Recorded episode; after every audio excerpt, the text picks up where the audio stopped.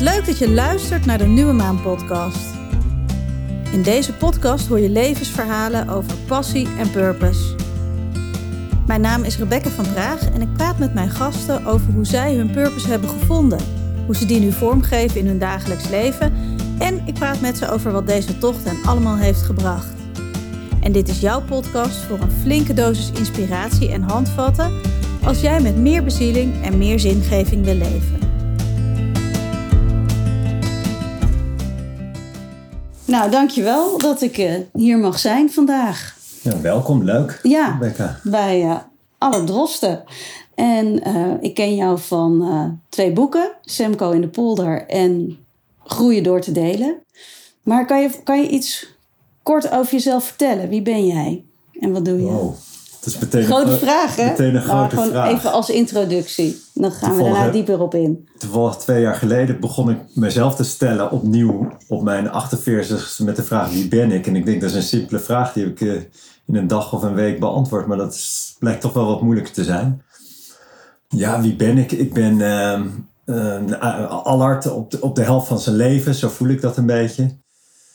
De eerste helft van mijn uh, leven heb ik bestempeld als geleefd. Waarbij ge bij mij staat voor een beetje tempo, actie, moeten, patronen, resultaat, hard werken, et cetera. Ge heeft me heel veel gebracht en geleefd. Ik heb veel mogen zien, ruiken, proeven. Heeft ook wel wat dingen kapot gemaakt. En als je het dan hebt over in een grote brokken is, is geleefd. Ik heb tot mijn achttiende als zoon van een militair, een F-16 vlieger, luchtmacht. Heel, heel, ben ik heel vaak verhuisd. Dus dat is misschien wel een karakter van, of een deel van mijn leven. Om de twee jaar verhuisd wij. Kriskast door Nederland.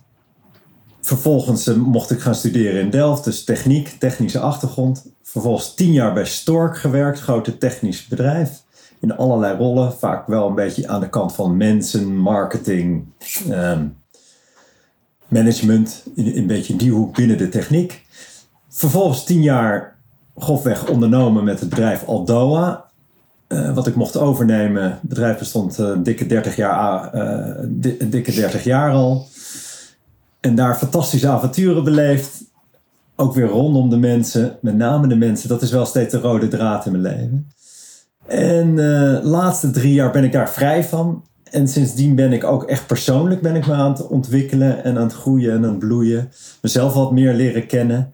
En ben eigenlijk beland in het, in het tweede deel van mijn leven, zoals ik dat zelf noem. En dan mag de gunne vanaf. En het tweede deel staat voor mij in het teken van leven. En, en dus minder met de patronen, het moeten, het, het hoge tempo. Of, of nou ja, alle maskers die ik me inmiddels had aangemeten. Of zo. Nou, daar zit ik middenin. Oké. Okay. En ondertussen ben ik vader van twee zonen. Uh, bijna 17 en 14, Maas en Duco. Ik woon samen met Irene sinds een paar jaar. En Irene heeft drie kinderen. Dus we zijn samen met, met vijf kinderen. Ja, dat is denk ik een beetje heel kort even heel langs, kort weer langs de tijdlijn. Ja. Hey, en um, ja, je, je, je zegt uh, Delft en bij Stork gewerkt. Echt een techneut. En nu heb je een bedrijf waarbij uh, verbinding met het hart en dromen... en uh, naar de natuur centraal staat. Ja. Even zo wat kernwoorden die ik Ja. heb gezien. En dat is nogal een, ja, een ander, uh, een, switch geweest, lijkt me. Ja, ja, ja, ja. ja al wel het toch bij mij dichterbij lag dan ik dacht of zo. Ja. Maar je, je, je hebt helemaal gelijk. Hè. Daarvoor was het echt bedrijfsmatig. Uh, nou ja, wat je erbij voor kan stellen. Een kantoor, grote organisatie, mensen, vergaderen, processen, uh, you name it. En nu, um, ik heb niet echt een bedrijf, zo, zo zou ik het niet zeggen, maar ik ben meer met mezelf en, en, uh, en wat anderen zijn we bezig. En bezig inderdaad meer, veel meer op het, op het gebied van verbinding, mensen in de natuur. En dat zat eigenlijk altijd wel een beetje in mij. Maar uh, wat ik net al, ik haalde net al het woord moeten en patronen en resultaat. Ik was gewoon opgevoed in een hele andere setting van hard werken goede baan hebben. Um, en als je dan je resultaten haalt, dan groeien en dan, en dan kom je hoger op en zo. Dat was een beetje mijn wereld. En uh, ik ontdek steeds meer dat er, dat er ook meer is. Het zal wel met de leeftijd te maken hebben. En meer is voor mij gewoon weer, hoe gek het ook klinkt, weer terug naar af juist. Mm -hmm. Juist weer naar het kleine. En gewoon lekker in de natuur met een, met een aantal mooie mensen om je heen. ja, de verbinding opzoeken. Maar is er dan iets is, is er ergens een trigger geweest dat je deze verandering hebt doorgemaakt? Of is dat een geleidelijk proces geweest? Hoe is dat gegaan? Ja, ja, ja nee, geen, geen trigger en, gelukkig lachen. Ik had geen, geen uh, heftige gebeurtenis of zo. Geen hartaanval of een burn-out of een, of een groot iets of zo. Of een verlies van iemand. Dat helemaal niet. Uh, nee, het was echt puur vanuit vrijheid. En dat begon ongeveer een jaar of twee geleden. Ik kwam vrij van, van het echte ondernemen met een eigen bedrijf en, en, mhm. de organisatie. En ik, ik, ik je, hoorde, uh, of je zei net al het woord dromen. Ik noem mezelf gekscherend zoals de professionele dromer. Ik geloof daar enorm in. Uh, heb een droom en, en, en kijk of je die kan invullen. En wat ik dan altijd doe aan het begin van het jaar, ik, ik begin altijd met, met te dromen van, hey, stel dat het kerst is en ik zit bij het open haartje, hoe, hoe heeft mijn jaar er dan uitgezien? En zo zat ik dus weer twee jaar geleden zo, zo te dromen en in één keer denk, hé, hey, als ik hem nou eens groter trek, hoe zou het tweede deel van mijn leven eruit zien? Nou, die kon ik niet echt invullen. En toen dacht ik, voordat ik die echt kan invullen, moet ik eerst eens weten wie ik nou echt ben. Want als ik, als ik weet wie ik echt ben, en ik zou een soort van opnieuw mogen beginnen, dan, dan weet ik ook wat ik hier op aarde te doen heb en wat ik nog mag gaan doen in het tweede deel van mijn leven. Dus noem het een positieve midlife crisis of zo. Hetzelfde leeftijd ook zijn geweest. En toen begon ik met die vraag: wie ben ik? En dat was wel echt wel heel concreet. Dat was echt 1 januari 2020. Gewoon de vraag: wie ben ik? En nogmaals, ik dacht, nou, dat is een vraag die beantwoord je in een, in een, in een uur, in een dag, uh, alleen of samen met iemand. En ik weet nog, ik kwam een van jouw vorige podcastgasten, ook Aukje oh, van ja. Forstenbos, daar was ik. Ja, grappig. En ik zei tegen Aukje, ik zei iets van wie ben ik? Het, is, het moest hard lachen, zei ze, dat is de meest existentiële vraag van het leven. Ja, ik, begreep, ik begreep hem helemaal niet, ik denk dat is simpele. En daar ben ik nu, eigenlijk al twee jaar ben ik daarmee bezig van wie ben ik en wat heb ik hier te doen op aarde. En, ja, dus het begon echt, een lang antwoord op je vraag, hè? Sorry. Ja, nee, nee, geef niet. Het, het begon dus echt vanuit een soort van luxe combinatie met misschien een midlife-achtig.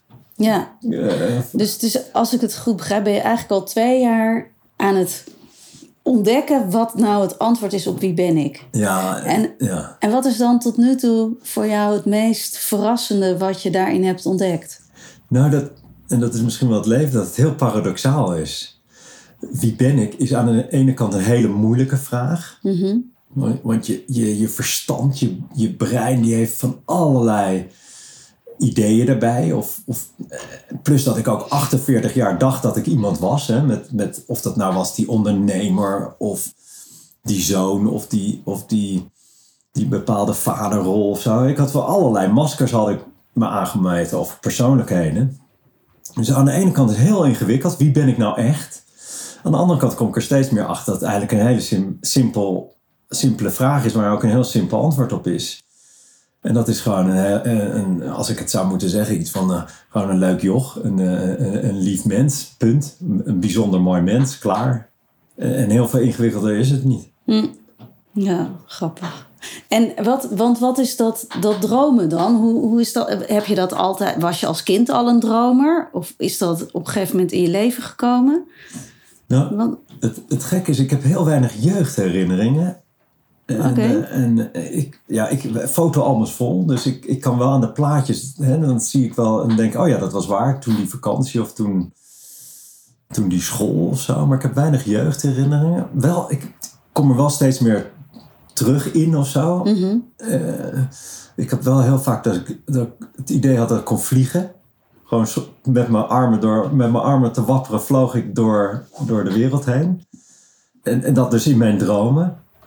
Nee, ik kwam er eigenlijk bedrijfsmatig achter, heel gek genoeg ik kwam erachter dat als je je al inbeelde, het is geen geheim, hè? Dit, is, dit, is, dit is de secret en, en, of, of manifestatie, of er zijn boeken vol over geschreven. Ik noem het gewoon het Hollandse dromen. Als je echt het plaatje inbeeldt van dat je er al bent, met termen als ik heb, ik ben, in plaats van ik zou graag willen of eventueel of zo.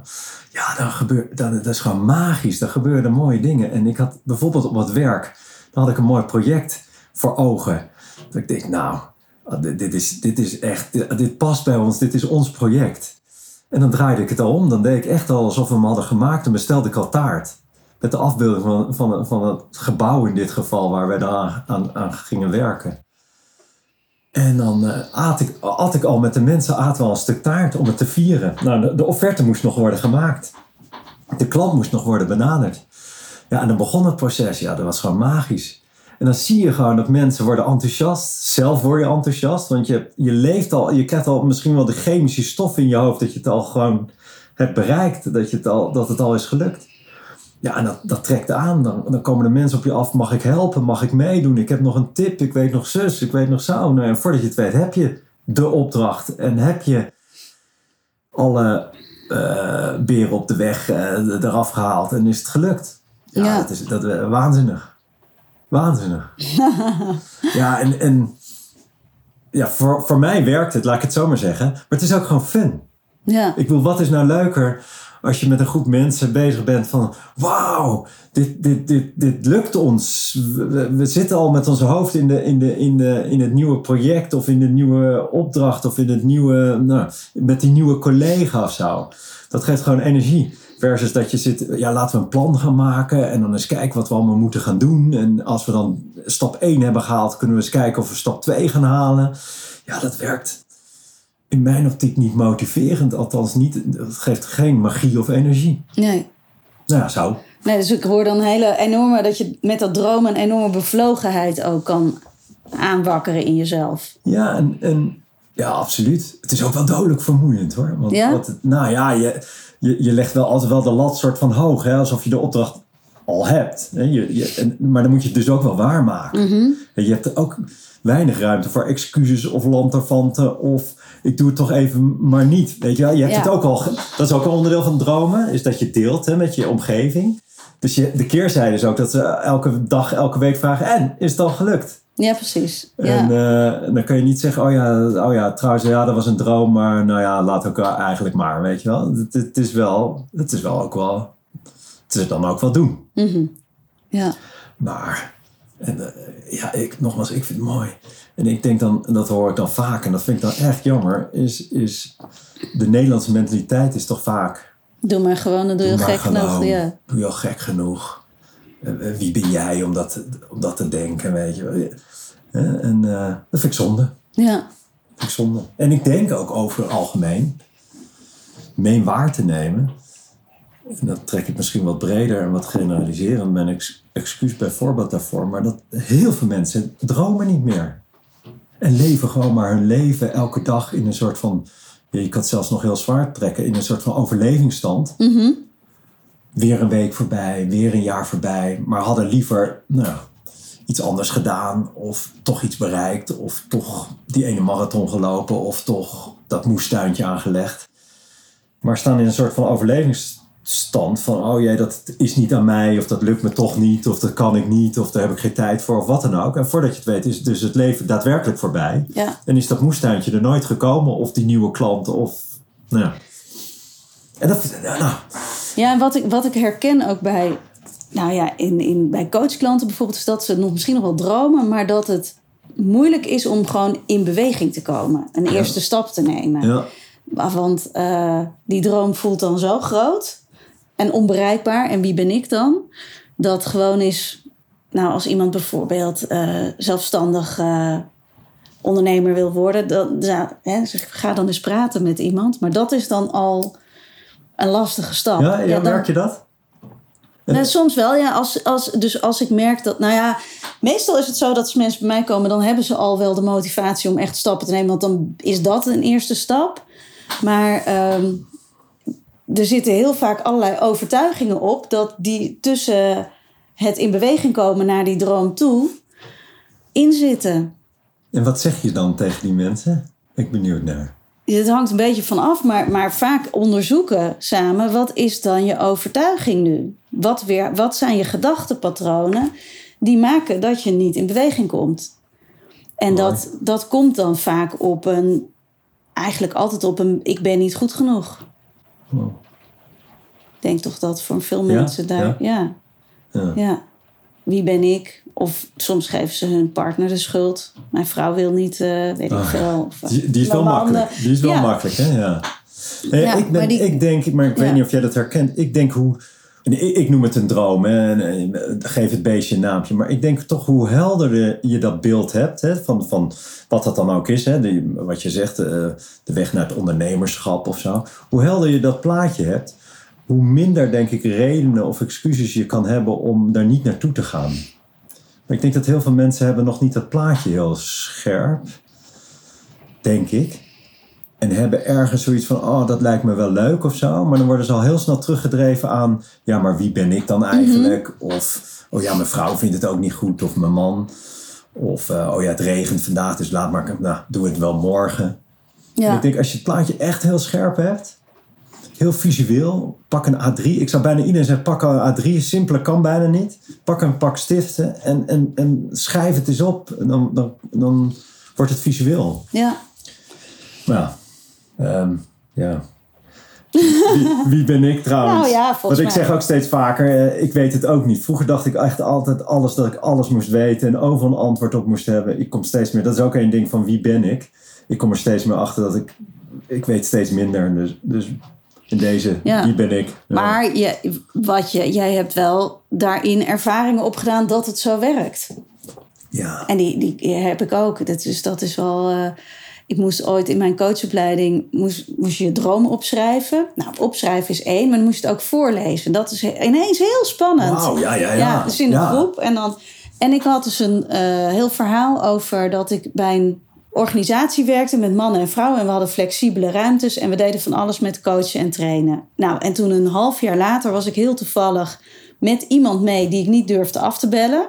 Na een soort netwerkavond. En ik dacht echt, ja, het is een beetje lullig om nu af te bellen, dus laat maar gewoon gaan. En toen zat ik daar met best wel wat weerstand. Maar op een gegeven moment dacht ik, wacht eens even, dit heb ik opgeschreven.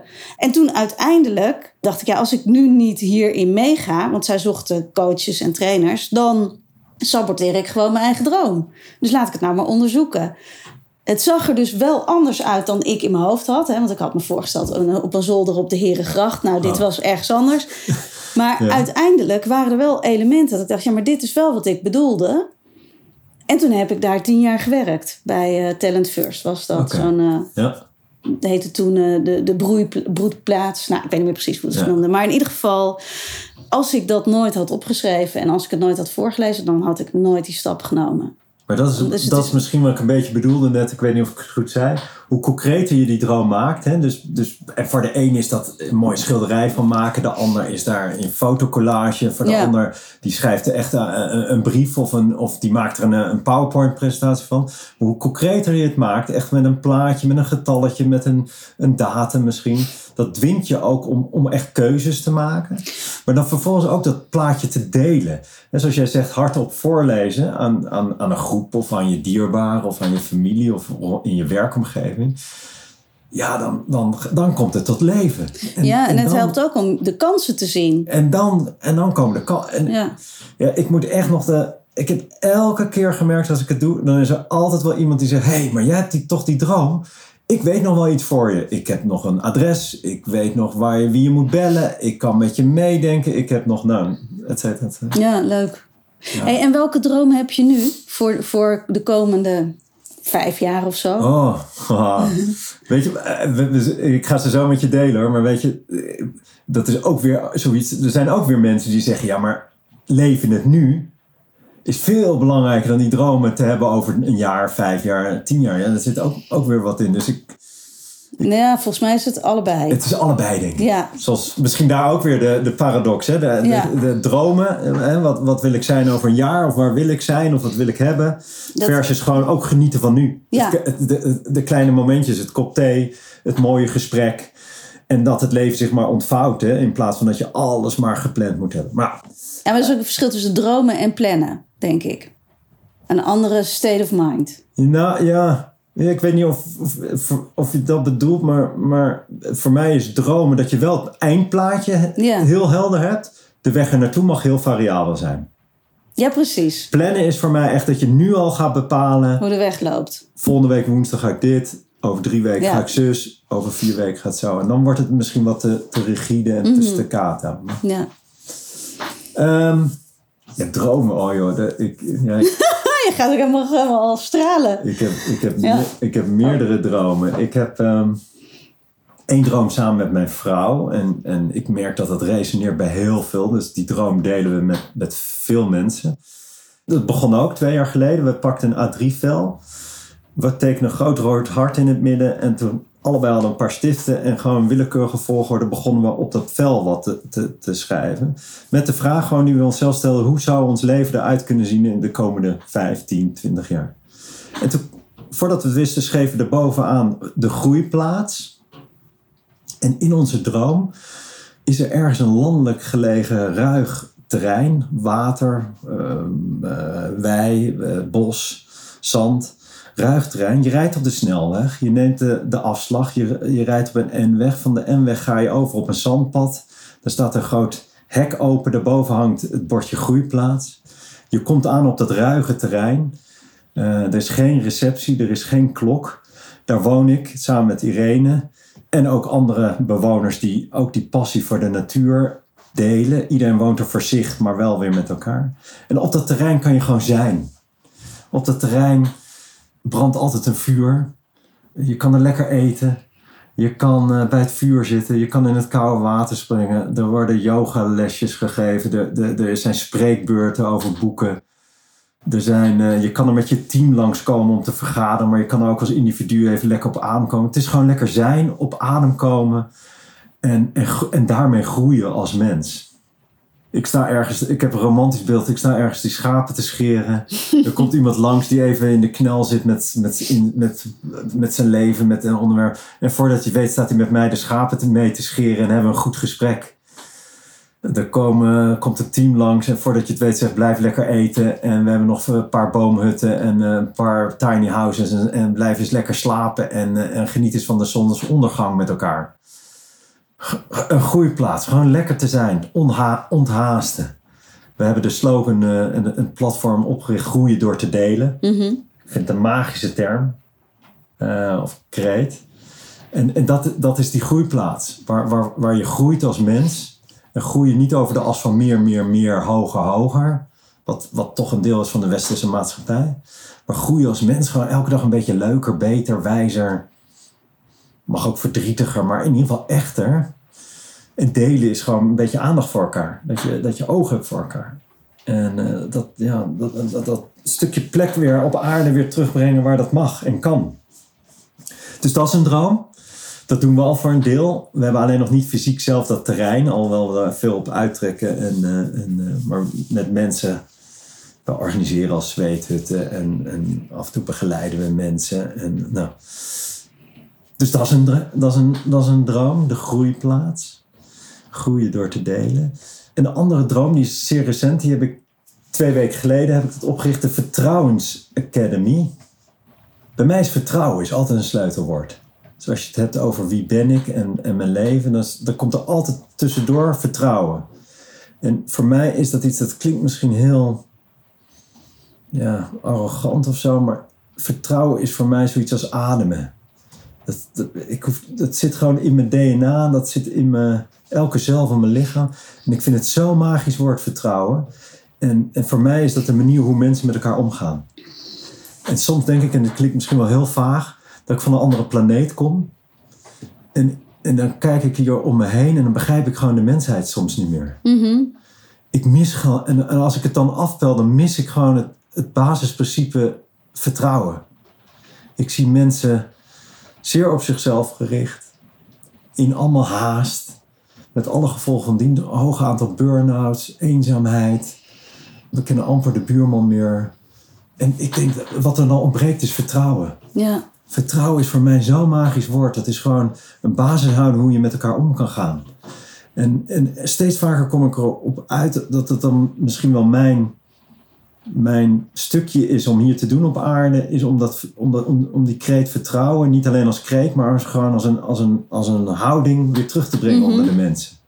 Dus heb ik twee weken geleden de Vertrouwens Academy opgericht. Ja. En als je het hebt over een droom, dan, dan is mijn droom dat dat vertrouwen weer gewoon gemeengoed wordt. En ik begin gewoon bij mijn eigen vierkante metertje. Dat is bij mezelf, met mijn gezin, met de mensen die ik dierbaar heb en om me heen zijn. En zo hoop ik als een olievlek iets heel groots te mogen bereiken. Door weer vertrouwen, de, uh, nou ja, ik wou bijna zeggen, in te pompen. Mm -hmm. in ieder geval mensen onder te dompelen in vertrouwen. Nou, ik heb, bedrijfsmatig heb ik dat altijd al wel. Hè, met, met de tien jaar dat ik Aldoa, metaalbedrijf had, dat, dat was gebaseerd op vertrouwen. Er waren geen regels in het bedrijf. Iedereen mocht alles kriskast door elkaar heen. Doe vooral waar je goed in bent. Nou, dat is voor mij allemaal teken van vertrouwen.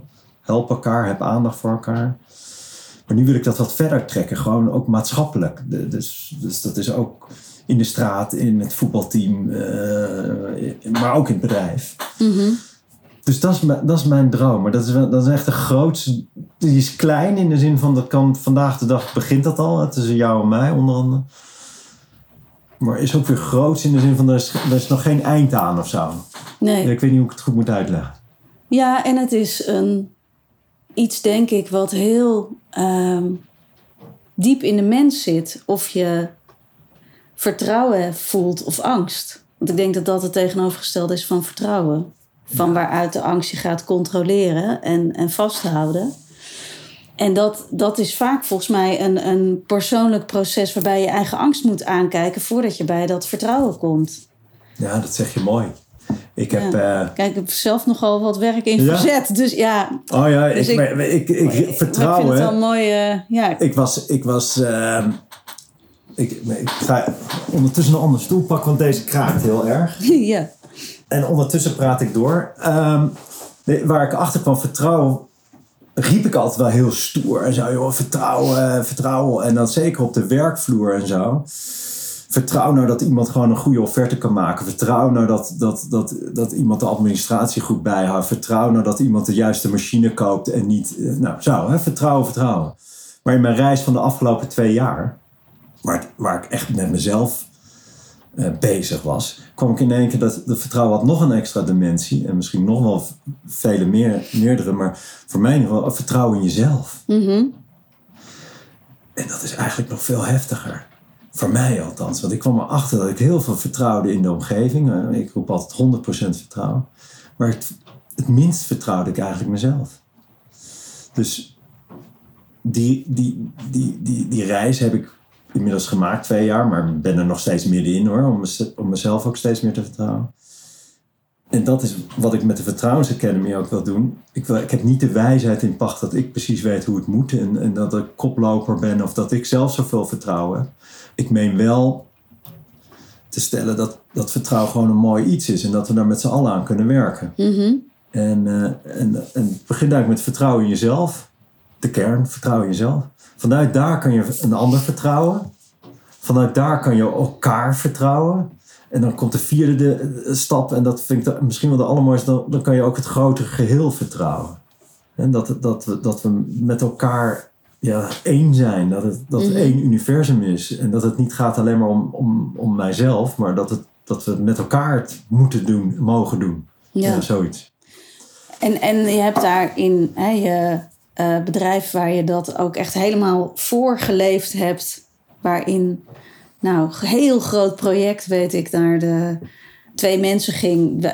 Ik denk dat dat een voorbeeld is van dat je heel veel vertrouwen kan geven. Maar er waren vast ook mensen die dat ook spannend vonden. Ja, weet je wat, weet je, Of ja, niet? Ja. Weet je wat gek is? Nou, Het vertrouwen is zo'n basisbehoefte van de mens. Dat, ben ik, dat durf ik echt te beweren.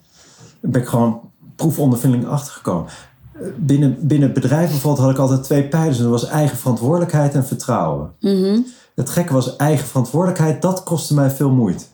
Om dat door te voeren bij de mensen. Dat waren heel veel mensen niet meer gewend. Eigen verantwoordelijkheid. Dat, is, dat, dat was gewoon over de loop der tijd systematisch afgenomen. Van ik bepaal wel wat goed voor je is. Ik, ik zet het even heel zwart-wit neer. Hè? Door, door, door de ouders, door de leraar, door uiteindelijk managers in bedrijven. Hè? Er wordt al heel snel, doe jij nou maar dit. Ik zorg ervoor dat het goed geregeld is. Of dat de juiste keuze wordt gemaakt. Of ik bepaal welke, welke, eh, welk middel wordt gebruikt of zo. En dan voer jij het uit. Om dan vervolgens weer eigen verantwoordelijkheid in te brengen. Nee, dit is ook jouw klant of jouw, jouw machine of jouw offerte. En kijk je maar dat je het zelf goed kan. Maar dat, dat kostte mij echt, had ik niet zozeer verwacht, maar dat kostte mij veel moeite. En daarmee, de, de- mijn omgeving kost het veel moeite om die, om die eigen verantwoordelijkheid daadwerkelijk op te pakken. En wat maakt dan dat dat moeilijk was voor mensen? Gewoon niet meer gewend. Gewoon echt. Ja, En heeft het ook te ik ben maken geen met het- wetenschapper, met hè? het- dit is mijn nee, eigen conclusie. Ja. Gewoon niet meer gewend. Als je vijf jaar, tien jaar, twintig jaar systematisch, en eh, ik weet niet of je het een beetje herkent, eigen verantwoordelijkheid wordt in onze maatschappij vrij, vrij nou, wordt, wordt, wordt toch wel een beetje de kop ingedrukt. Op school moet je al snel je vinger opsteken. Je mag Mhm. niet te slim zijn, niet te dom zijn. Hè. Je moet een beetje Je het moet een beetje in de gemiddelde, middelmoot. eh, middelmoot. Als je iets wil, moet je een vraag stellen. Als het net anders is, als het een kritische vraag is, ja, dan, dan word je al snel gezegd: ja, eh, sorry, kan niet, is niet. eh, doe nou maar zoals het hoort. Mhm. En dat gebeurt eigenlijk van, van werk gaat dat misschien wel naar een studie of zo, naar, naar, of van- van school naar studie en uiteindelijk het werk eigenlijk ook. De meeste bedrijven toch nog zijn, is een mate van hiërarchie waar bazen, man, vrouw zitten die op een bepaalde positie zitten en bepalen wat goed is voor de afdeling of het team. Ja, en dan op een gegeven moment kijk je ook, je kijkt op een gegeven moment ook wel uit. Op een gegeven moment, je, je, misschien maak je dan niet die promotie of die extra salarisverhoging of, nou, dus ga je toch maar mee. Nou, je kan het in het grote geheel nu ook zien met corona en de overheid.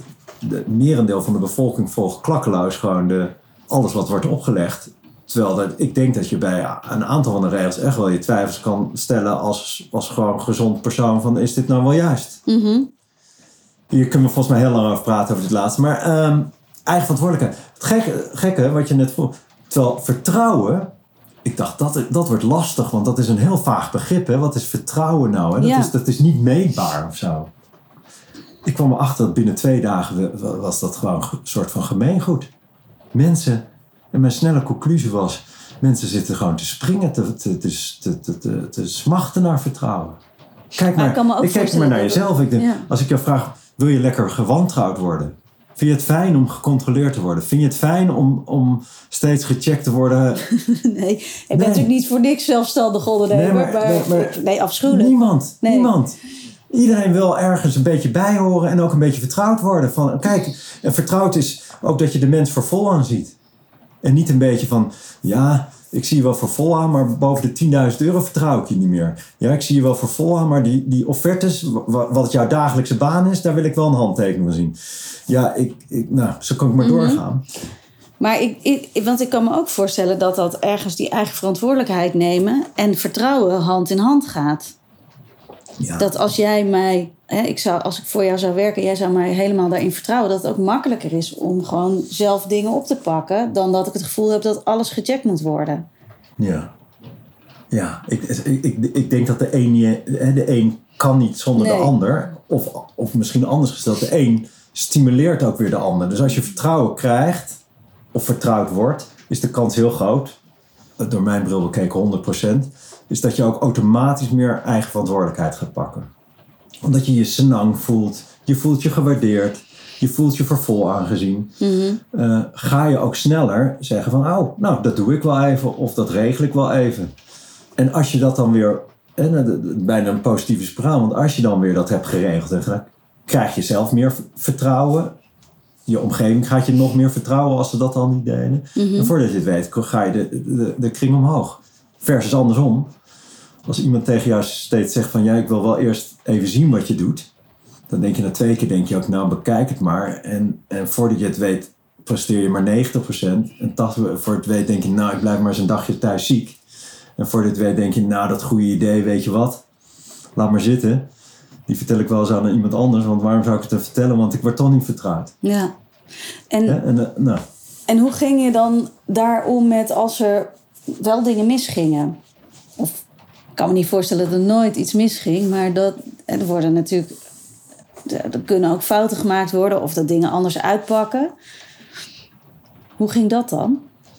ja, In dat bedrijf? hele goede vraag. Weet je, vertrouwen lost niet op dat we gewoon mens zijn. En, Ja. en dat er dingen gebeuren, goed of slecht. En, en, en hoog of laag. Of, of, of in dit geval fouten werden gemaakt. Bij ons werden eh, bij bosjes fouten gemaakt.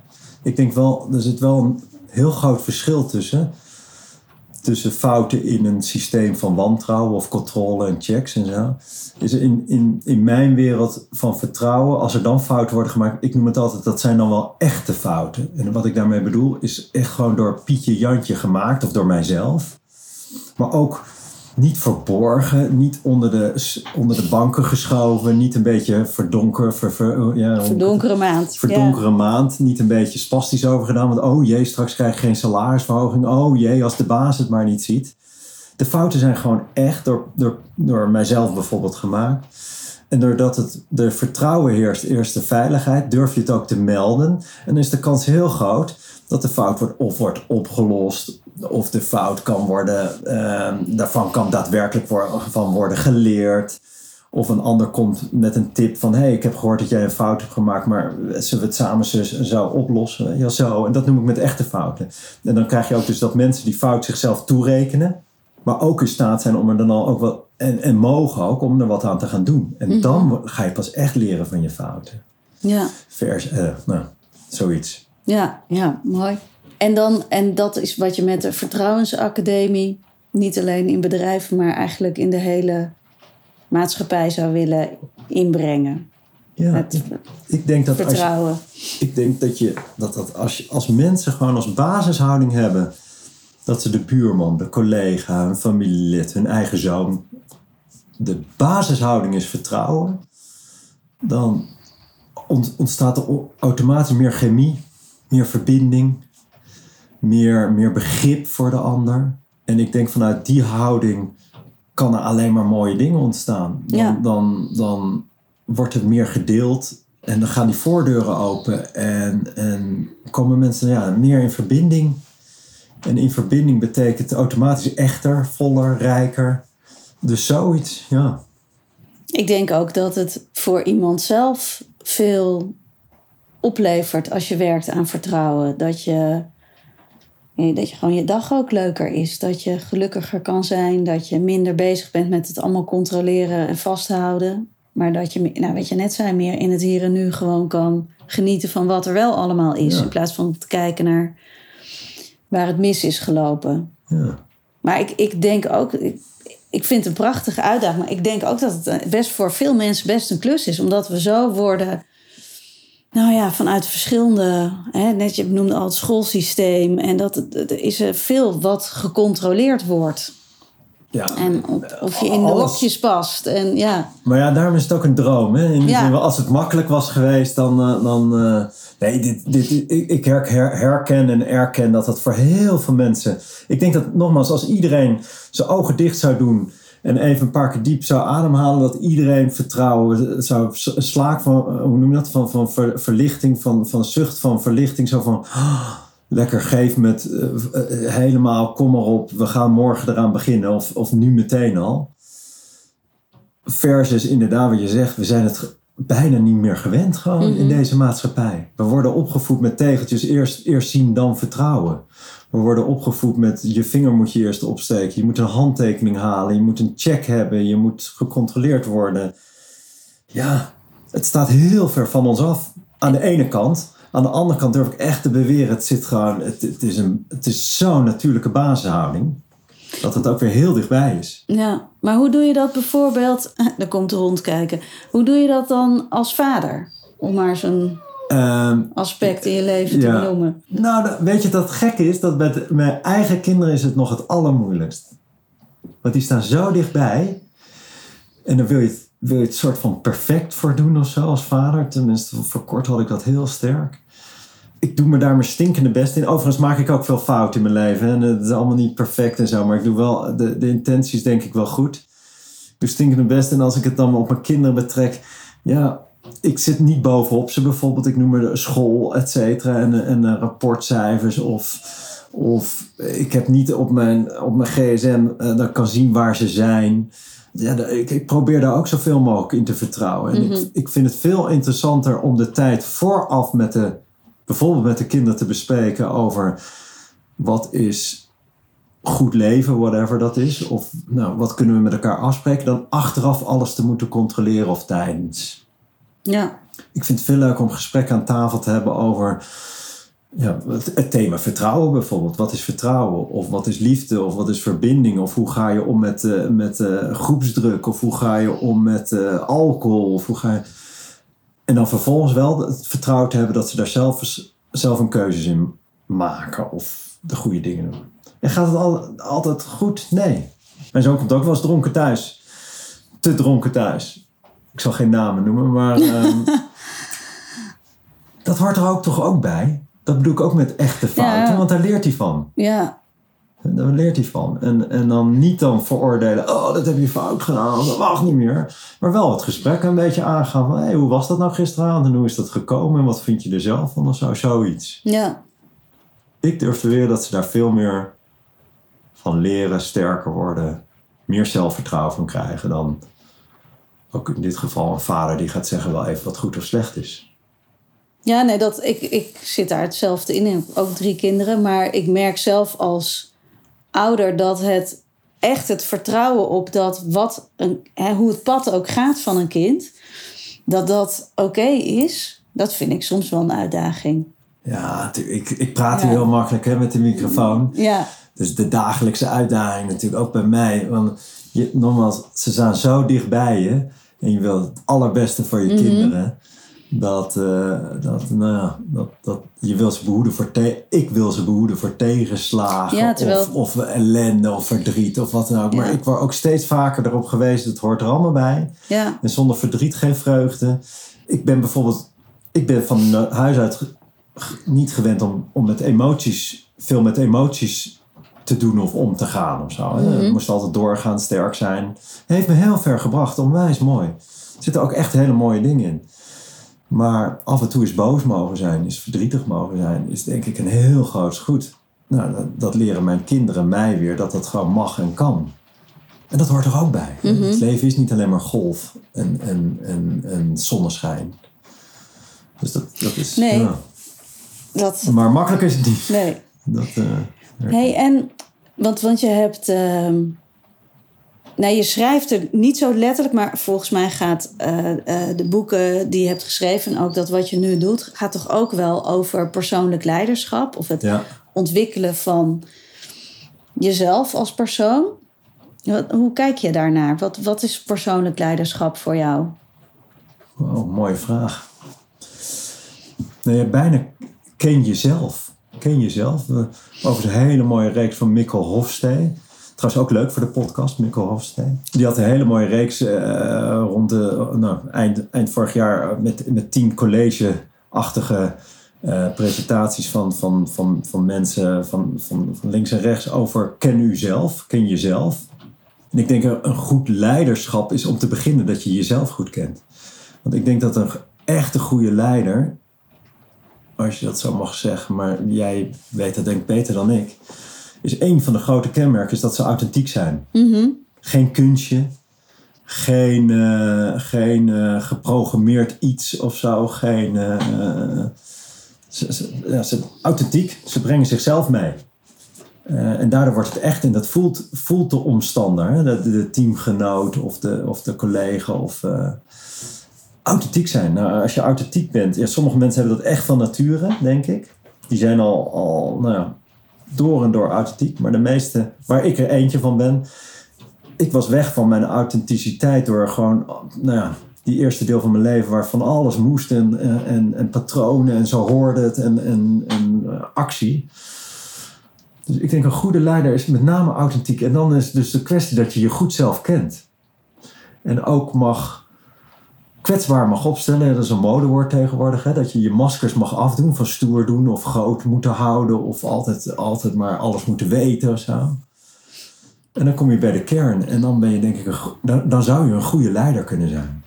Ongetwijfeld zijn er nog ja, heel in veel ieder geval een goede leider van jezelf. Denk ik Daar- dat het daarmee begint. Volgens mij begint ja. het daarmee. Hè? Ja, En, en, Ja. maar, en denk ik dan ook nog heel wat andere dingen dan authenticiteit. Maar, nou, wat, een beetje, wat, wat wel mijn visie is, is dat je ook hebt eh, te kijken naar je schaduw. Dus naar de maskers Mooi. die je net noemde, naar de, nou, de, de donkere kanten van jezelf, die vaak onderbelicht zijn hè, en onderdrukt zijn. Die overigens in dromen vaak naar voren komen. Dus, ja, eh, dat, wat zijn, dat zijn dan de nachtmerries. Nee. Mm, nou, of, of hè, als je in principe als je droomt, dan gaan en er komen andere mensen in voor. Vaak zijn dat delen van jezelf die je niet wil zien of nog niet hebt kunnen zien.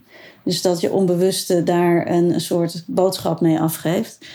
Dus als je droomt over iemand die een heel bushokje in elkaar staat te trappen, kan je vragen: wat, wat, welk deel in jezelf? mij ja, Ja. Voelt zich zo boos dat je Ja. eigenlijk wel een bushokje in elkaar zou willen trappen? Ja. En, en volgens mij, zolang je daar niet naartoe wil, blijven, blijft alles wat onder die wateroppervlakte zit, alles wat onbewust is, blijft wel invloed hebben op je reacties, op je gedrag, op hoe je in het leven staat, op je, of je echt iemand kan vertrouwen. Ik denk dat dat, nou ja, dat daar een hoop te ontdekken is. En als je, dat, dat dat wel hoort bij de hele reis naar meer het leven echt kunnen leven zoals jij dat net beschreef. Los van het moeten, los van de, hoe je vindt dat het zou horen. Dat je leeft naar de verwachtingen van anderen in plaats van je eigen hart te volgen. Ja. ja. ja ze hebben, Maar als ik naar jou, naar jou luister, is eh, de de bekende uitspraak, ik weet niet eens van wie, maar ongetwijfeld links en rechts is dat volgens mij door meerdere, of zoals dat dan vaak gaat beschreven. Of, of dus eigenlijk moet je eerst in je, in je gewone leven moet je al een keer gestorven zijn om, om, om vol te kunnen leven. Je moet al een keer goed in je diepe angsten hebben gekeken ja, en er doorheen zijn gegaan voordat je dan vol kan leven.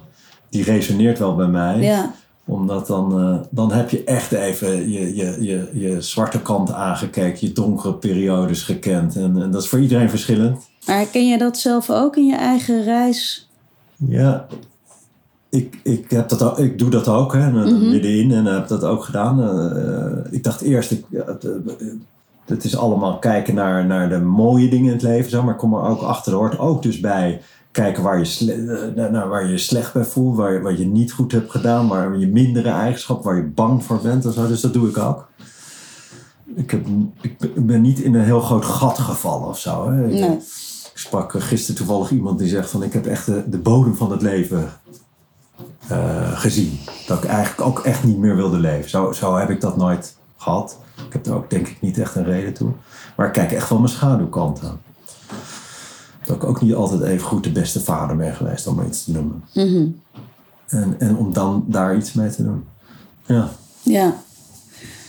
Ja, dat, dat is denk Ja, ik ook wat je dan authentiek maakt. Als je bereid bent om ook de mindere kanten in jezelf te accepteren, te omarmen. En eh, Nou ja, weet je wat er dan gebeurt? Is, en dat merk ik nu langzamerhand.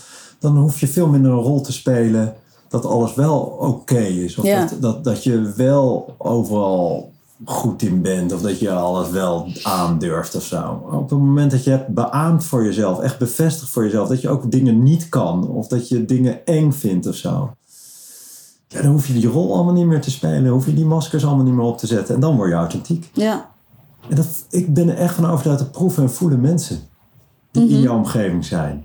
En dan, en dan als een magneet ko- komen ze bij je om met je iets samen te doen of je te helpen of iets op te bouwen of wat dan ook. En dan, Ja. dat is goed leiderschap, denk ik. ja, Ja, eh, jij weet ongetwijfeld nog meer componenten wat, wat goed leiderschap is. Nou ja, dat is, hangt, weet je, krijg je ook allemaal van die modelletjes. Maar volgens mij gaat het over. Ja, ik geloof dat het ook echt gaat over eerlijk kunnen zijn naar jezelf toe. Ja, hè? mooi. En, en naar de ander toe. Dus ja, ik moet dan eerlijkheid, ja, denk ik vertrouwen. Maar dat je wel echt van mens tot mens een gesprek kan hebben. In plaats van als functionaris tot medewerker. Ja, Of, Dan krijg je eh, al snel dat verschil. Ja, dat ja. kunnen mensen nu thuis niet zien, maar ik doe mijn handen op verschillende ja, niveaus. ja, Eh, eh, Ja, dus Ja. je bent misschien niet gelijk, maar wel gelijkwaardig. En dat is volgens mij echt super moeilijk in Ja, de praktijk. Nou, ja, ik denk, kijk naar de hele eh MeToo-beweging nu. Dat is toch zijn, zijn. Voor mensen is denk ik macht wordt snel. Nou, niet snel, maar daar, daar wordt misbruik van gemaakt. Ja. Ja.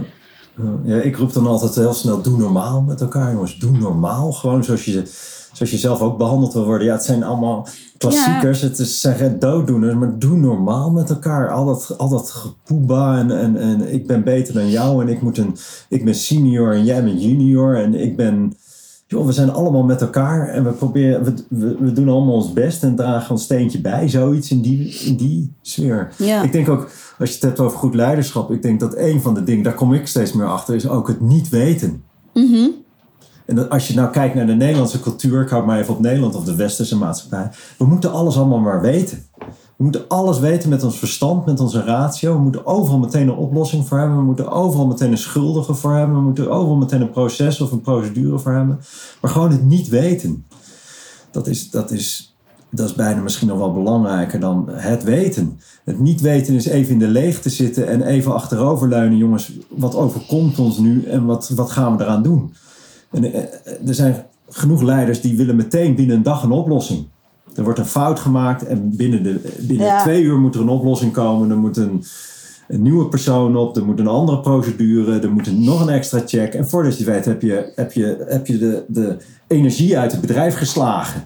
Of uit je team. Nou, in ieder geval uit jezelf. Ja, en, en, en, en, misschien ook wel uit jezelf. En ook in, in, die, in, die, in dat weten zit ook vaak iets, meteen ook, ook de, de, de, je ontneemt alle ruimte voor nieuwe initiatieven, andere Ja. gezichtswijzes, eh, andere, andere marsroutes. Alle creativiteit sla je eruit. Ik bedoel, pak het thuiswerken en corona. Een, een, een voorbeeld wat, wat bij mij dichtbij ligt. Er komt corona eh, en meteen moeten we binnen een week moet er een nieuwe procedure zijn opgesteld van hoe gaan we met elkaar om op het, als je pakt over de werkvloer. Eh, wel thuiswerken, niet thuiswerken. eh, in plaats van gewoon even een paar weken achterover te leunen. Jongens, dit is helemaal nieuw. Niemand weet nog hoe dit allemaal loopt. Laten we eens gewoon met elkaar eens kijken hoe dat dan werkt. Gaan we zoomen? Gaan we naar kantoor? Gaan we, gaan we... Nee, er moet binnen, binnen no tempo moet er een protocol komen. Ja, en dan Ja. gaan we weer. Nou ja, en dus niet weten, gewoon echt eens even. En dat is eng. Als Ja. je, nou, je had het net over angsten. Ja. Ja, niet weten is natuurlijk voor mensen heel veel. Ja, een soort alles loslaten. Je hebt geen controle, je hebt geen invloed. En je moet zeggen: Ik weet het niet. Ja, dat is, dat is als je nou hebt over angst en kwetsbaar. Hè? Als je als leider zegt, ja, sorry jongens, ik weet het ook niet. We gaan erover nadenken en laten het eens gedijen en we komen, we, we, kijken wel. Ja, we de eerste reactie is natuurlijk die oproep van een, van een slechte leider of zo. Maar ik denk dat je Ja. juist heel sterk bent. Ja, het is wel grappig. We deden in, in zo'n leiderschapsprogramma. zat altijd een onderdeel in dat groepen dan naar buiten gaan, de natuur in twee dagen. En dan met allerlei oefeningen.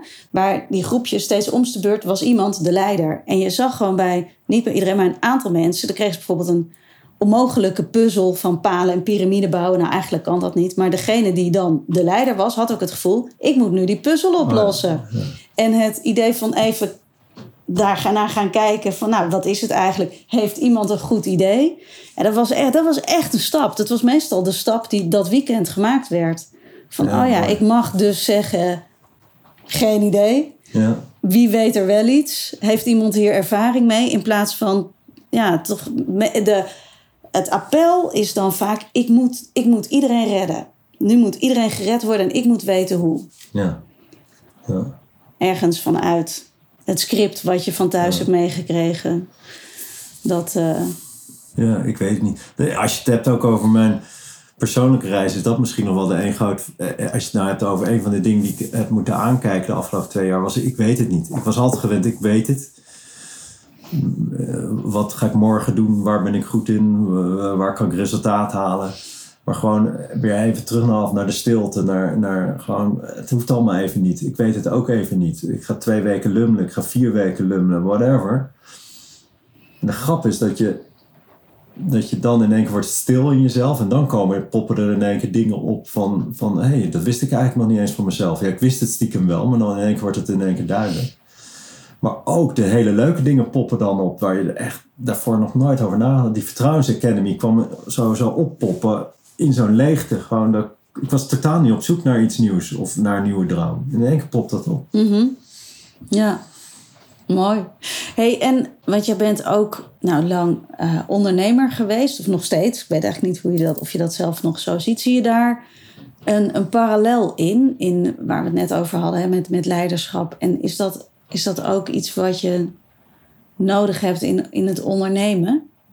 Die authenticiteit. en Oh ja, denk ik wel. Maar voor mij is Of is dat hetzelfde? Ik vind ondernemen altijd wel een groot woord hoor. Daar heb ik altijd beeld bij van mannen of vrouwen die op hun twaalfde al beginnen met een krantje te, te drukken of ijsjes te verkopen. En dan op een negentiende eerste lening ergens aanvragen. En dan bedrijf- bij de KVK een bedrijf starten en zo. Ik ben wel ondernemend. Gewoon dingen doen. En ik denk dat er dan helemaal geen groot verschil zit tussen echt daadwerkelijk ondernemers die zich ingeschreven hebben bij KVK of een manager bij een, bij een klein of groot bedrijf. beide moet je iets, iets voor elkaar boksen met je team. Mhm. En je wil een klant blij maken. eh, je wil iets goeds doen, nou, hopelijk voor de, voor de maatschappij. En je, en je wil misschien nog wat centjes verdienen. Dus voor mij is daar niet zoveel verschil in, in, in vorm van leiderschap. Nee, oké. Dat, dat- ik zie daar niet zoveel onderscheid in. Sterker nog, ik denk dat, dat heb ik ook proefondervindelijk ondervinden. Heel veel mensen zijn, zijn toch stiekem ondernemers zonder dat ze aandeelhouder zijn. Zonder dat ze bij die KVK zijn ingeschreven. Ik durf te beweren in ons, in mijn bedrijf waar, waar ik de- destijds actief in was, Aldoa, werkten we met uiteindelijk man of 80. Nou, waren 80, nou, ja, ik wou zeggen mini-ondernemertjes, maar, maar, of maxi-ondernemers. waren 80 ondernemertjes. En dat bedoel ik met respect, of ondernemers. Zonder dat merendeel had geen aandelen. En, eh, en ondernemen staat dan voor mij gewoon actie nemen, eh, schouders eronder, met elkaar iets moois maken, de klant blij maken. Het gaat ook over die eigen verantwoordelijkheid En dat nemen. is eigen ja. verantwoordelijkheid en, dus de- en dat Ja. vertrouwen daarin hebben en krijgen. En ehm daar hoef je echt niet voor die, die ene persoon te zijn met de aandelen bij de, bij de KVK. Ja, En leiderschap eh, is nog veel breder. Hè? Dat is niet alleen in het bedrijf. Leiderschap is ook in je gezin. Mhm. Leiderschap is ook eh, met je vriendengroep. Leiderschap kan ook zijn eh, als je de kantine van de voetbalclub je rol daarin hebt of zo. Ben je dan ben je daar ook authentiek en durf je ook, ook net wat anders te doen met elkaar? Durf je ook wat open te gooien en elkaar te vertrouwen? Durf je ook met elkaar samen af en toe eens even niet te weten? En ik hoorde, ja, misschien een raar bruggetje, maar dat komt in één keer bij me binnen. Ik hoorde vorige week heel mooi de kreet verschilmakers. Mhm. En, en dat is misschien wel leiderschap voor mij. Mensen die het verschil maken, verschilmakers, vind ik een heel mooi woord. Mensen die niet genoegen nemen met zoals het altijd ging. Of klakkeloos de regels volgen omdat het nou eenmaal zo hoort. En dan vervolgens al snel in een soort van slachtofferrol komen van zie je, het komt door het weer, het komt door de overheid, het komt door de regels. Nee, mensen die verschil maken, die elke dag willen dat het elke dag een beetje leuker, beter, aardiger wordt voor elkaar. ja. En, en dat is ook leiderschap voor mij. Of dwaal ik nu af? Nee hoor, nee. Oh. Ik, ik vind dat mooi. Ik, toevallig, ik zit te denken waar ik dat nou... Ik heb volgens mij... Of staat er iets van op jouw website over verschilmakers? Ik heb het Nou. woord voorbij zien komen. Denk ik. Maar, Misschien, maar het is sinds een week of zo. kwam Oh. Iemand attendeerde me er al van. Je hebt de ene helft van de mensen, en dat is numeriek misschien niet de helft, maar je hebt een groot deel die, die elke dag een beetje overleeft en gewoon stinkend zijn best doen. En er is geen goed of slecht. Nou ja, soms het hoofd boven water probeert te houden. Andere, andere deel die, die heeft het gewoon goed. Maar, maar gewoon elke dag gewoon een beetje, een beetje doet zoals ook gisteren en dan een beetje meer en, en zo. En dan heb je een deel van de mensen die probeert echt verschil te maken. Elke dag kijkt van, hé, hey, hoe kan het toch nog een beetje leuker, echter, wijzer, mooier. ja, Dat, dat resoneerde wel bij mij. ja. Ja, Maar ben jij een verschilmaker? dat is een grote vraag. Ik probeer het te zijn, laat ik het zo maar zeggen. Ja. Ik probeer het te zijn. Ik, ik, ik ben ook gewoon allard en ik doe ook mijn dingen zoals ik naar eer en geweten. En, en sommige dingen zullen. De ene ding is beter dan de ander, maar ik probeer wel. Het is moeilijk over mezelf te praten. Ehm, ik probeer wel, nou, nogmaals, groeien door te delen. Mhm. En, en, en groeien staat nogmaals voor mij voor de. En ik heb het helemaal goed en zo, dus ik heb ook wel weer makkelijk praten. Maar groe- groeien staat voor mij. Dus dat je als mens elke dag een beetje leuker, beter, wijzer wordt. En delen staat voor mij aandacht voor elkaar. Ja. En delen kan zijn een goed gesprek, even wat van je tijd, een tip, een ervaring. Soms ook eh, de ladder aan eh, delen met de buurman. Soms ook een centje als iemand wat in nood zit. En ik ben heel erg van overtuigd als je deelt, dan groei je weer. En als je groeit, deelt, deel je. En voordat je weet is je straat leuker, je wijk leuker, je team leuker. Ja. En eh, daar, daar, daar probeer ik wel, nou ja, En, en met je, in ik wou zeggen mijn stinkende best voor te doen. ja. Klinkt misschien wat zwaar, maar, maar gewoon een beetje ook voor de medemens. En nogmaals hoor, ik ben echt niet heilig, want eh, ik zal ook dingen niet goed doen. Maar gewoon, ik probeer de mensen te zien staan. Mhm. En dan mijn steentje bij te dragen. En dan, ik kom er steeds meer achter en dat geeft mij een heel mooi gevoel. Vroeger dacht ik dat ik de hele wereld moest redden. Had ik grootheid waan, had ik echt grootheidswaanzin. ik dacht, Allard doet wel even. En er zat ook, we hadden het over wie ben ik. En er zat ook echt nog een stuk onzekerheid van mezelf in. Om mij even te laten zien op het podium. Kijk, zie mij staan. Zie die kleine Allard ook even staan, weet je wel. En ik red de wereld. De gedachte was denk ik heel goed. Ik zou het morgen weer doen. Het kwam uit een goed hart. Maar er zat ook nog echt onder een laag. Zie Allard ook even staan. Nou, dat laatste probeer ik uh, minder te zijn of te doen. Uh, heeft, heeft dus ook weer te maken met zelfvertrouwen. En levensfase misschien ook wel? Levensfase misschien ook wel een beetje. Maar uh, wat ook nou zeggen, mijn draad een beetje. Nee, over de hele wereld redden. Ik, ik trek het steeds meer terug naar het kleine. Mm -hmm. Gewoon beginnen bij mijn eigen vierkante metertje. Mijn kinderen, de buurman. Iemand die, die morgen wat kan helpen. In, uh, ergens stoppen als ik iemand zie die pech heeft dat papiertje oprapen op de hei als ik, als ik langsloop. En vanuit daar denk ik dat er wel iets groots ontstaat. Ja. Dat je in die volgorde. Ja. En ik denk dat iedereen dit kan. Dit kan iedereen. En als iedereen dat zou doen. Ja, dan zijn er geen oorlogen meer. Dat durf ik echt te beweren. Ja. Als vertrouwen er weer zou zijn.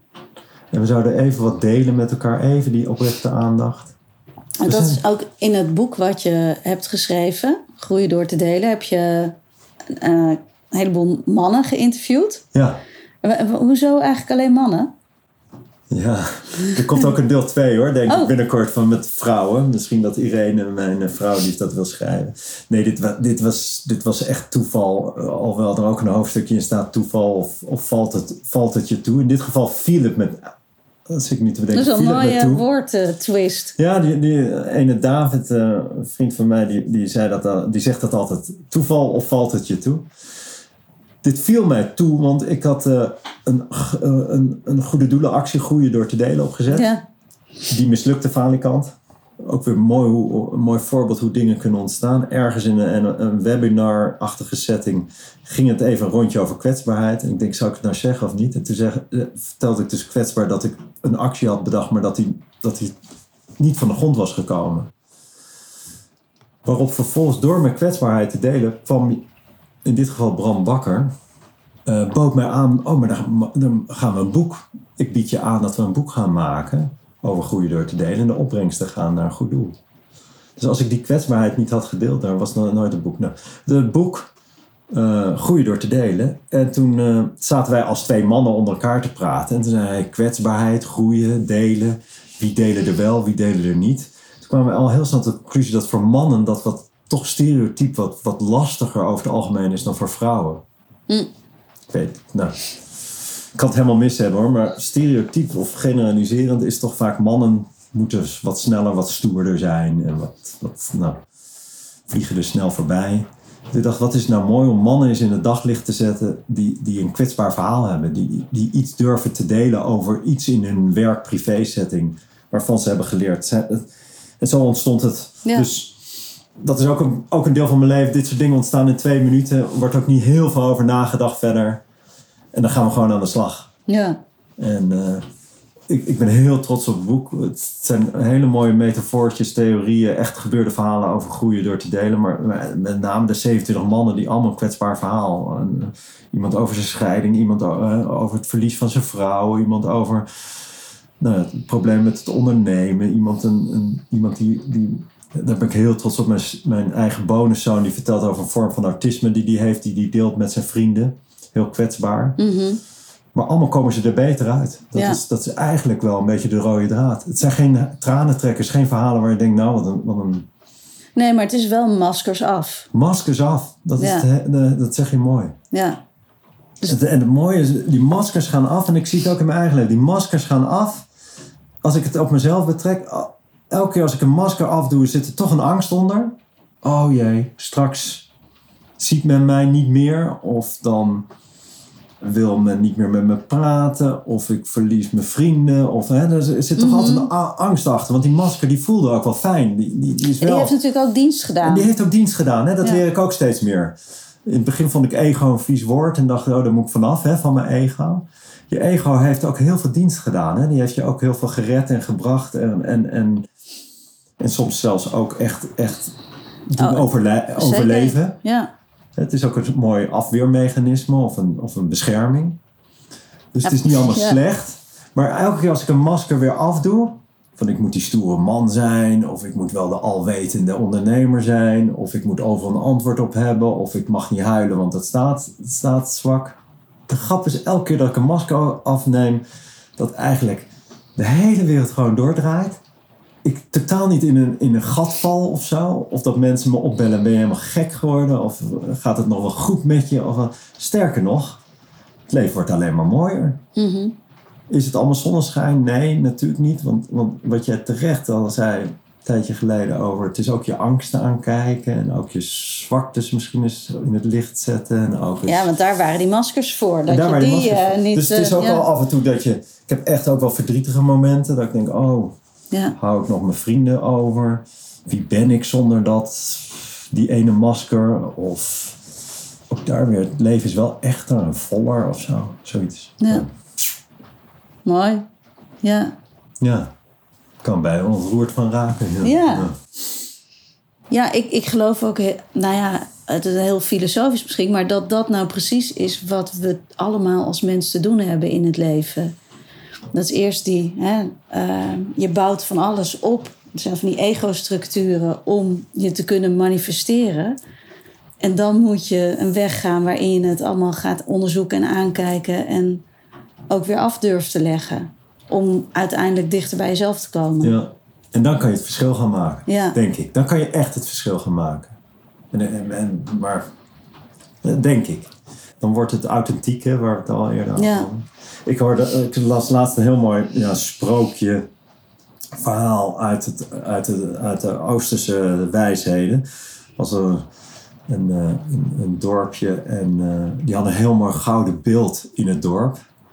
Volgens mij was Thailand. Heel mooi gouden, eh, gouden beeld. Dat was nou ja, eh, het beeld van het dorp. En een eh, vijand kwam eraan.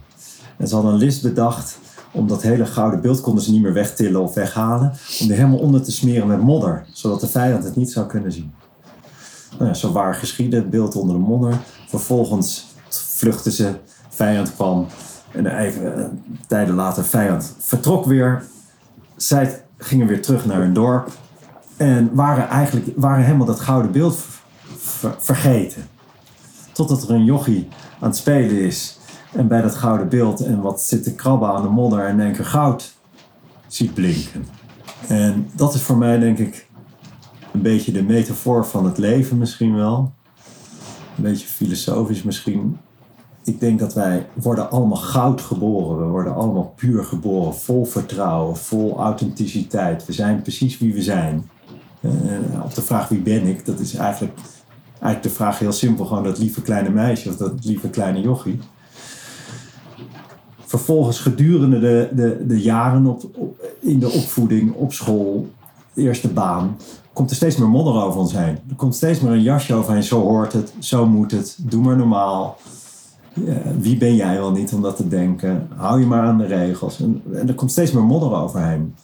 Eh, dingen gaan mis, eh, je, je zelfvertrouwen wordt misschien minder. Maar in de kern zijn we nog steeds dat gouden beeld. Mhm. Dat, nog steeds dat lieve jochie. En op het moment dat een stukje van dat maskertje afgaat, of dat jasje afgaat, of die modder eraf gaat, dan zie je dat goud weer schijnen. En het mooie is, dan kan je niet meer stoppen om de rest ook af te gooien. Want dan, dan je wil de rest van dat goud weer zien.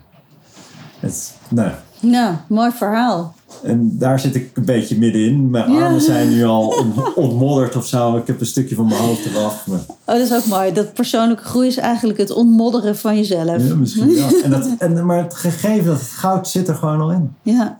Ik, was- ik was la, ik, ik, ik, eh, een hele mooie coach heb ik in het leven. Dat is Cobra, Cobra 67. Coach, therapeut, regressietherapie ook.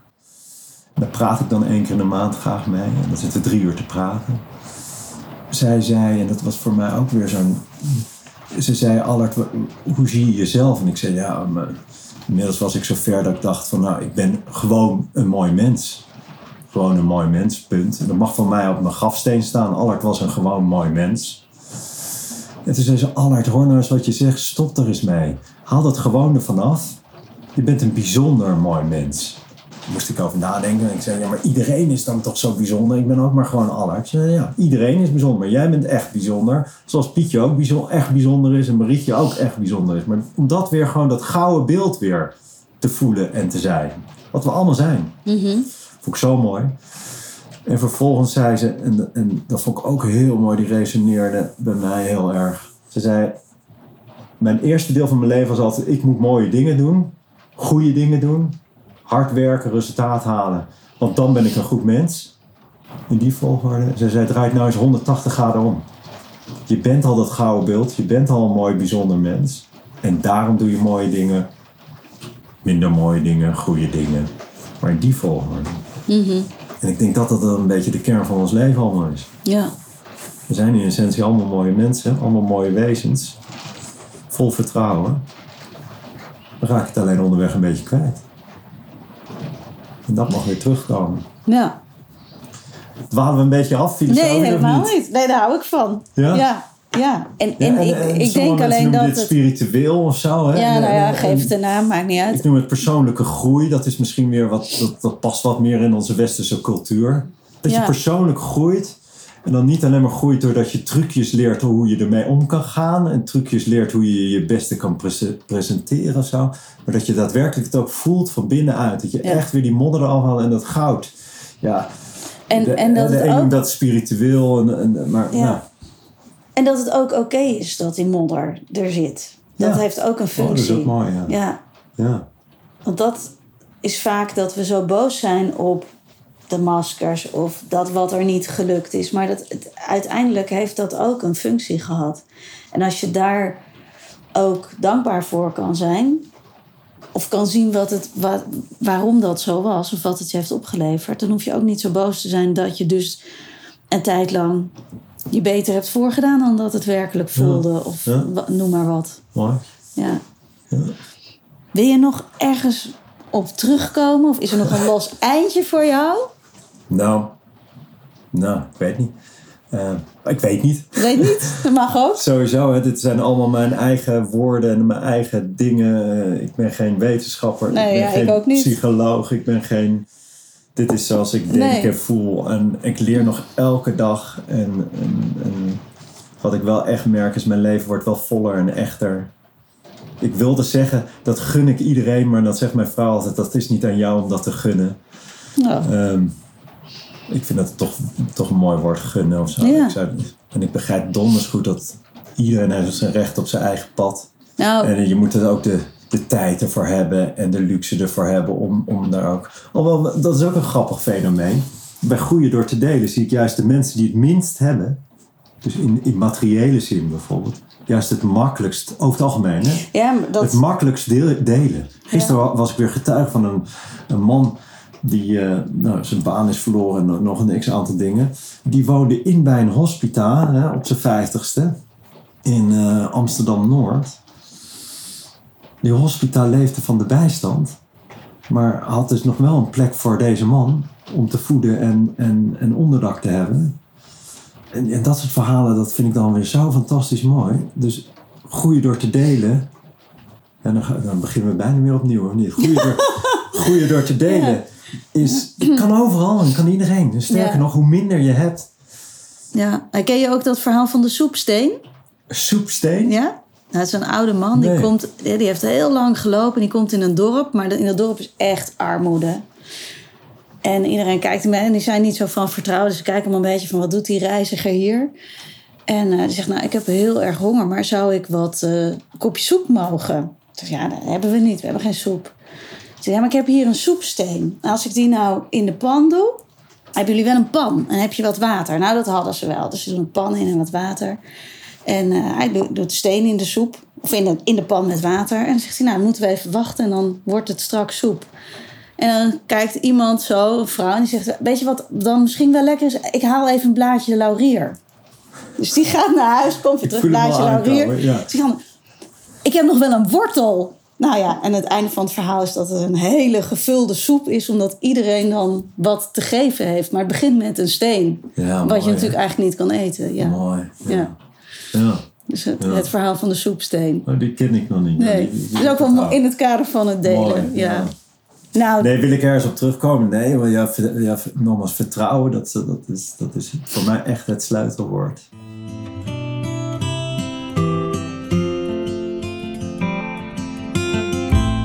Dankjewel dat je naar de Nieuwe Maan podcast hebt geluisterd. Ik hoop dat dit gesprek je heeft geïnspireerd om jouw purpose te voelen en te leven. Wanneer jij weet waar het jou echt om gaat en jij je hart volgt, ervaar je meer betekenis en meer geluk in je leven. Daar ben ik van overtuigd. Wil je geen uitzending missen? Abonneer je dan op deze podcast in je favoriete podcast-app. Denk je na het luisteren van deze podcast: ik wil leven met meer passie en bezieling en energie en ik wil meer verbinding met mezelf? Kijk dan op www.bureaunieuwemaan.nl en geef je daarop voor een focusgesprek of een gratis masterclass Discover Your Drivers. Ik kijk er naar uit om je te ontmoeten.